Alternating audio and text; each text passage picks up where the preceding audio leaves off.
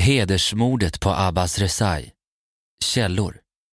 Sydsvenskan, Tingsrättsdomen, Hovrättsdomen, Expressen, Aftonbladet, SVT, Sveriges Radio, Wikipedia och GAPF, Glöm aldrig Pela och Fadime.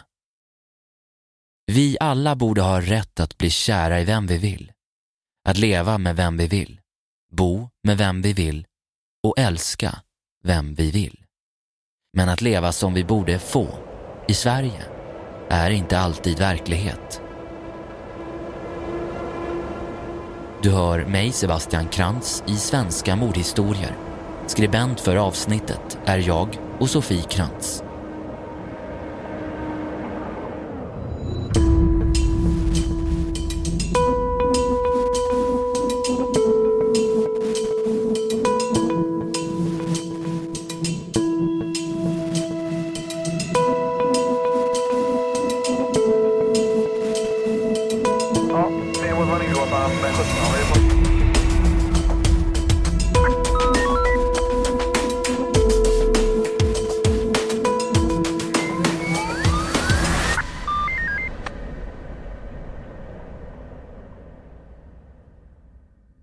Den 16 november 2005 sker ett mord i den lilla orten Högsby, beläget cirka två mil ifrån Kalmar. Det är en ung man som mördats endast 20 år gammal. Han heter Abbas Rezai. Det uppdagas snart att han mördats på grund av att han har en relation med 16-åriga Jasmina. Tillsammans med henne så har han rest över 100 mil ifrån sin bostad i Skellefteå i hopp och tron om att han ska få gifta sig med henne. Men väl framme vid hennes familj i Högsby så blir han istället plågad till döds under tortyrliknande former. För polisen så står det snart klart att det begåtts ett planlagt hedersmord. Men det skulle ta många år och ges många olika versioner av händelseförloppet innan det skulle bli helt fastställt vem som var skyldig till Abbas död.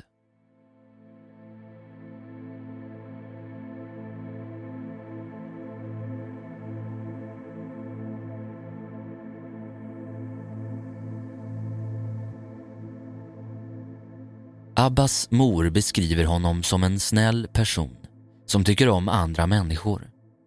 Att han har ett stort hjärta och alltid var glad. Han offrades på grund av sitt rena samvete, säger hon. Abbas har aldrig varit med om någonting våldsamt, inte ens i Afghanistan, och han bar aldrig vapen. Abbas ringde varje vecka sin mor som bodde kvar i hemlandet för att prata och skickade även pengar till henne. Hans plan var att försöka få resten av familjen till Sverige. Han ville rädda sin familj. Först därefter så ville han bilda en egen.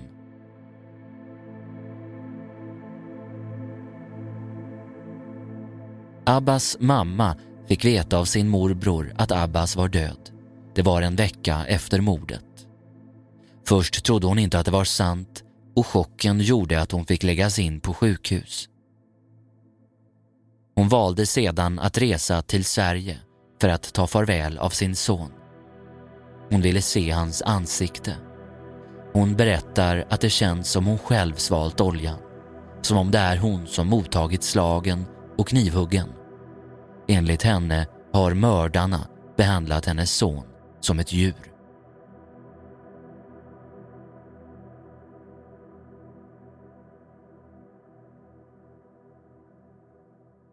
Jasmina har bara bott i Sverige tillsammans med sin familj i cirka två och ett halvt år, vid 2005. De har kommit till Sverige från Iran för att starta ett nytt liv. Familjen består av mamma, pappa, en äldre bror och två småbröder. Men tillvaron i det nya landet Sverige blir inte vad Jasmina hoppats på och hon längtar tillbaka till hemlandet. En stor del till varför hon inte trivs beror på hennes föräldrar och bröder. Hon har strikta regler som måste följas. Om hon inte följer reglerna så får det konsekvenser. Hon får inte sminka sig, träffa kompisar, gå på fester eller titta på TV. Att hon ska ha en pojkvän är helt otänkbart. Däremot så får hon sitta vid datorn för att göra sina läxor, vilket också gör att hon har tillgång till att chatta med andra. Pappan är hård mot henne. Vid ett tillfälle så tror han att hon pratar med en pojke i telefon. Han släpar då in henne i badrummet och ropar till hennes bror att han ska hämta en kniv. Både hon och hennes syskon blir slagna när föräldrarna anser att de inte skött sig. Jasminas mamma berättar att hon först såg Abbas på familjens dator på en bild. Hon visste då inte vem han var. När Jasmina sen försvann ifrån hemmet så trodde mamman att det var en kusin i Danmark som rövat bort henne, då denne flertalet gånger försökt fria utan framgång. Det var först en tid senare, efter vidare undersökningar, som man förstod att hon rymt till Skellefteå och Abbas.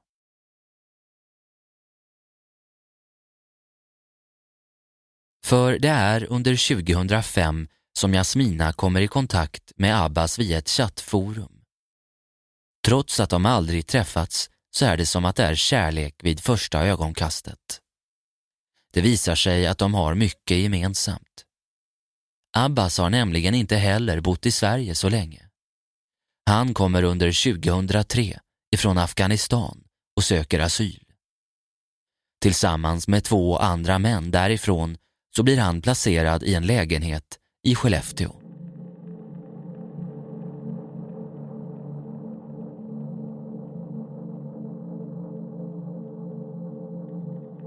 Jasmina och Abbas bestämmer sig för att ses och hon reser ifrån Högsby till Skellefteå för att träffa honom en tid innan mordet ska äga rum. När allt når sitt kulmen så ska de åka tillbaka till Högsby i tron om att det planerats en bröllopsfest för de båda. Jasminas bror berättar i rätten sin version. Först säger han att familjen trodde att Jasmina blivit bortrövad när hon lämnade hemmet för att resa till Abbas. Han säger också att han och hans mor rest till Skellefteå för att försöka övertala Jasmina att komma hem igen. Men där fick de inte tag på henne och reste tillbaka. Brodern säger att föräldrarna förklarat för honom att Abbas är farlig. Samtidigt så säger han att familjen, samtidigt så säger han att familjen enligt honom planerar en bröllopsfest mellan de båda. Det är först den 15 november och året är 2005 som brodern får veta att Jasmina och Abbas är på väg till Högsby. Alla där hemma är glada, säger han och det förekommer inte några diskussioner om att göra Abbas illa. Enligt brodern så var det bara av en ren slump som han fotograferade sig själv med en kniv i handen samma dag. Samma kniv som senare skulle kopplas till mordet.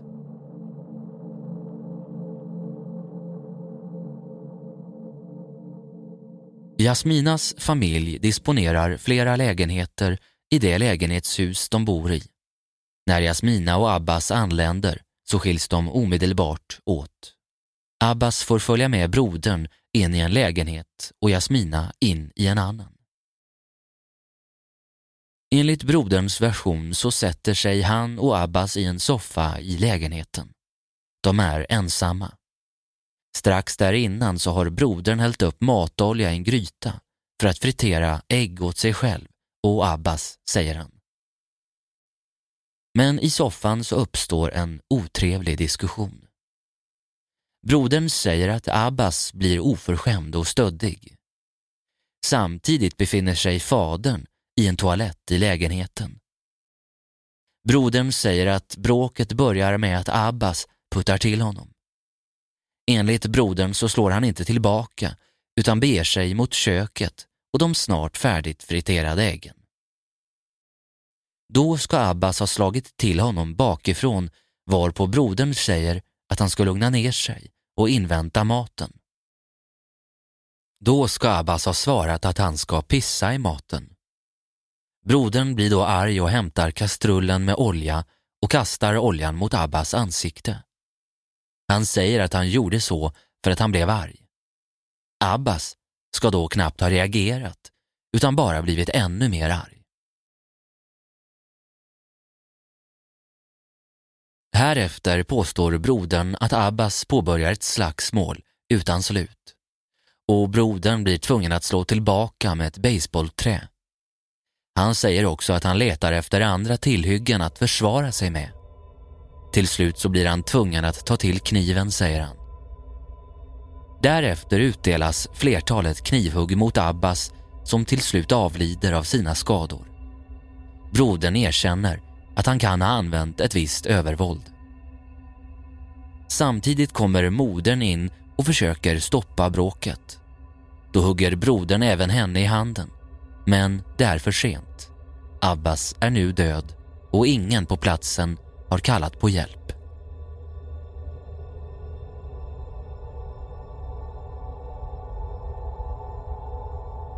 Jasminas bror väljer nu att städa undan efter sig för att han inte gillar smuts, säger han. Han diskar kniven och grytan och torkar av saker han använt i våldet mot Abbas. Under kvällen går han och hans far in och hämtar tillhörigheter i lägenheten. Brodern säger att han fått stryk av sin far som anser att han befläckat familjens heder genom att ha dödat Abbas. Familjen lämnar lägenheten runt klockan fyra eller fem på morgonen.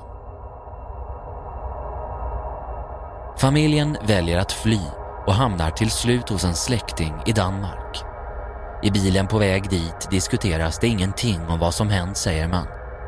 I Danmark berättar man för Jasmina om vad som hänt.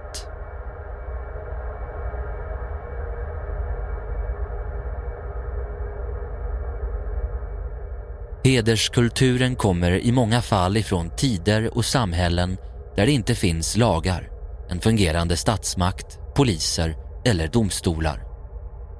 Om någon blev utsatt för ett brott så blev det upp till brottsoffrets familj och släkt att straffa förövaren.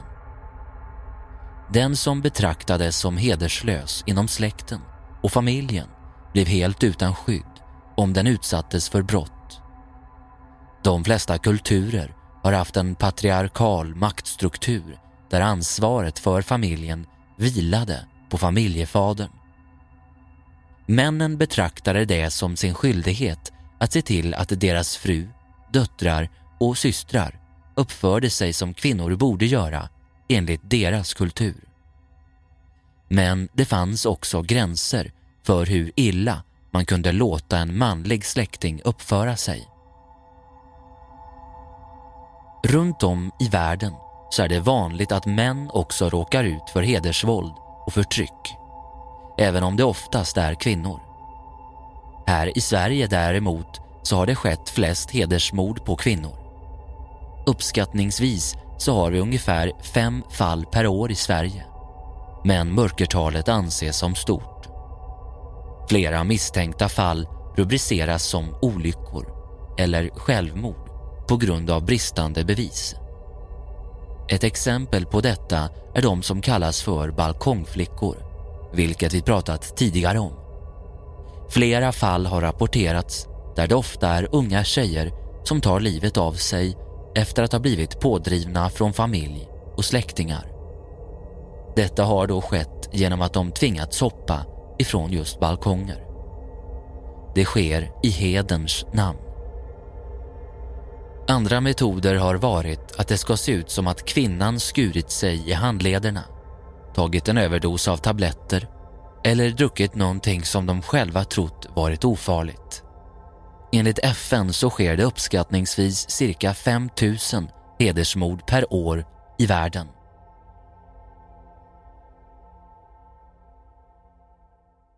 En vän till Abbas berättar. Han och Abbas hade varit vänner i två år. Han fick veta att Jasmina hade berättat för Abbas att hon tillhörde en religiös muslimsk familj. När hon kom till Skellefteå blev hon och Abbas ett par. Vännen fick det bestämda intrycket av att fadern till Jasmina inte ville gifta bort sin dotter med vem som helst och speciellt inte till, vi citerar, en vanlig person. Eftersom Jasmina hade lämnat föräldrahemmet så upplevde han det som att hon bränt sina broar. Abbas vän var på plats när Jasminas bror och moder kom till Skellefteå för att försöka få hem henne. Han berättar att de då berättat att Jasmina skulle komma hem och sluta förolämpa sin familj. Och Abbas skulle höra av sig så att de kunde planera bröllopet. Med hänsyn till att föräldrarna då ska utvisas och att det innebär ett väldigt men för dem så sätter man ner det till tio år. Efter tre rättegångar kom idag Göta hovrätts dom för det brutala mordet på Abbas Rezai i Högsby för sex år sedan. Ett hedersmord som den då 17-åriga sonen i familjen tog på sig. Han dömdes då till fyra års sluten ungdomsvård och livstids utvisning. Precis innan utvisningen begärde den nu 23-årige sonen resning och skyllde på föräldrarna. Och idag dömdes alltså föräldrarna till 10 års fängelse och livstids utvisning. Det är väl ungefär vad man kunnat vänta med hänsyn till alla omständigheter. Så att säga att jag är besviken eller förvånad, det tycker jag är, det, är, det kan jag inte säga.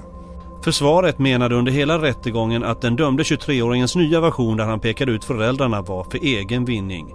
Men Göta hovrätt mildrade den här gången 23-åringens straff och dömde honom för medhjälp till mord och sluten ungdomsvård i ett och ett halvt år. Och ogiltigförklarade dessutom utvisningen. Vi har naturligtvis vägt hans uppgifter eh, extra försiktigt just med tanke på att han hade mycket att vinna på eh, att lämna de här nya uppgifterna. Eftersom 23-åringen från början fick ett längre straff som han redan avtjänat finns nu en chans att han kan begära skadestånd. Visst har han fått ett betydligt mindre straff nu. Å andra sidan så är det han själv som har, det är hans eget agerande som gjort att det blivit så här. Men det, det får som sagt vara justitiekanslern ta ställning till. Kommer ni att eh, överklaga? Det vet jag ingenting om. Det är min klient som bestämmer. Det är svårt att få upp ett bevismål till Högsta domstolen. Men det har förekommit. Och just detta målet skulle väl vara av intresse att få prövat fast att det i, huvudsaken, i huvudsak hänger på bevisningen. Av det rättsmedicinska protokollet så framgår det att Abbas kropp uppvisat ett stort antal tecken på skarpt våld. Man har också utrett om det handlar om att en eller flera personer kan ha berövat honom livet. Det är också klarlagt att han anlänt till lägenheten den 15 november 2005 och att han berövades livet natten mellan den 16 november 2005 samt att Jasminas familj var hemma vid tillfället. Man har också gjort en noggrann utredning för att fastställa om det handlar om hedersmord eller inte. Man kommer fram till att mordet begåtts för att upprätthålla Jasminas familjs heder. Man skriver också i domen att det troligtvis hade varit omöjligt för Abbas att gifta sig med Jasmina. I vart fall utan föräldrarnas tillstånd. Desto starkare blir bevisen gällande hedersmord när man undersöker hur våldet utövats på Abbas. Han är skändad genom att ha plågats till döds till följd av olja i ansiktet och på halsen och ett knivstick rakt i hjärtat. Våldet är besinningslöst. Men mycket talar för att det inte är brodern som utfört mordet själv. En viktig del i frågan är varför modern har brännskador på sin högra arm och hand, som av het olja. Hon har inte heller kunnat lämna någon trovärdig förklaring till hur dessa skador uppkommit.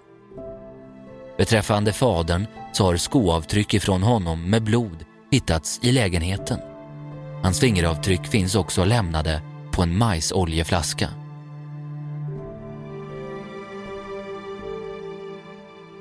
Abbas hittas mördad den 16 november 2005. Jasminas bror tar då på sig skulden för allting och hans dom blir då fyra års sluten ungdomsvård och utvisning. Men polisen var då redan övertygad om att så inte var hela sanningen. Brodern var 2011 23 år och hade avtjänat sitt straff och väntade på sin utvisning. Men då valde han istället att anklaga föräldrarna och säger att det är de som mördat Abbas. Och det är först 2011 som allting ska få sin dom. Klockan 11 lämnar man besked i Göta hovrätt. Det är Jasminas föräldrar som döms till 10 års fängelse och utvisning för all framtid. Brodern döms för medhjälp till ett år och fyra månaders sluten ungdomsvård.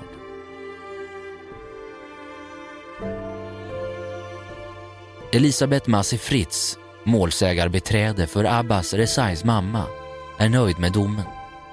I ett mejl till TT så skriver hon, och vi citerar ifrån en artikel ur Aftonbladet.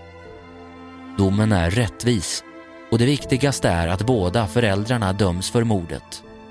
Fängelsestraffet kunde varit livstid, men å andra sidan är det allra viktigaste att de får avtjäna ett kännbart straff här och sedan utvisas ifrån Sverige. Utvisningen är det absolut mest avskräckande. Min klient kan äntligen sätta punkt för det här brutala hedersmordet och få lugn att gå vidare med sin familj och deras sorgarbete. Du har lyssnat på Hedersmordet på Abbas, på Abbas Resai med mig Sebastian Krantz. Tack för att du har lyssnat.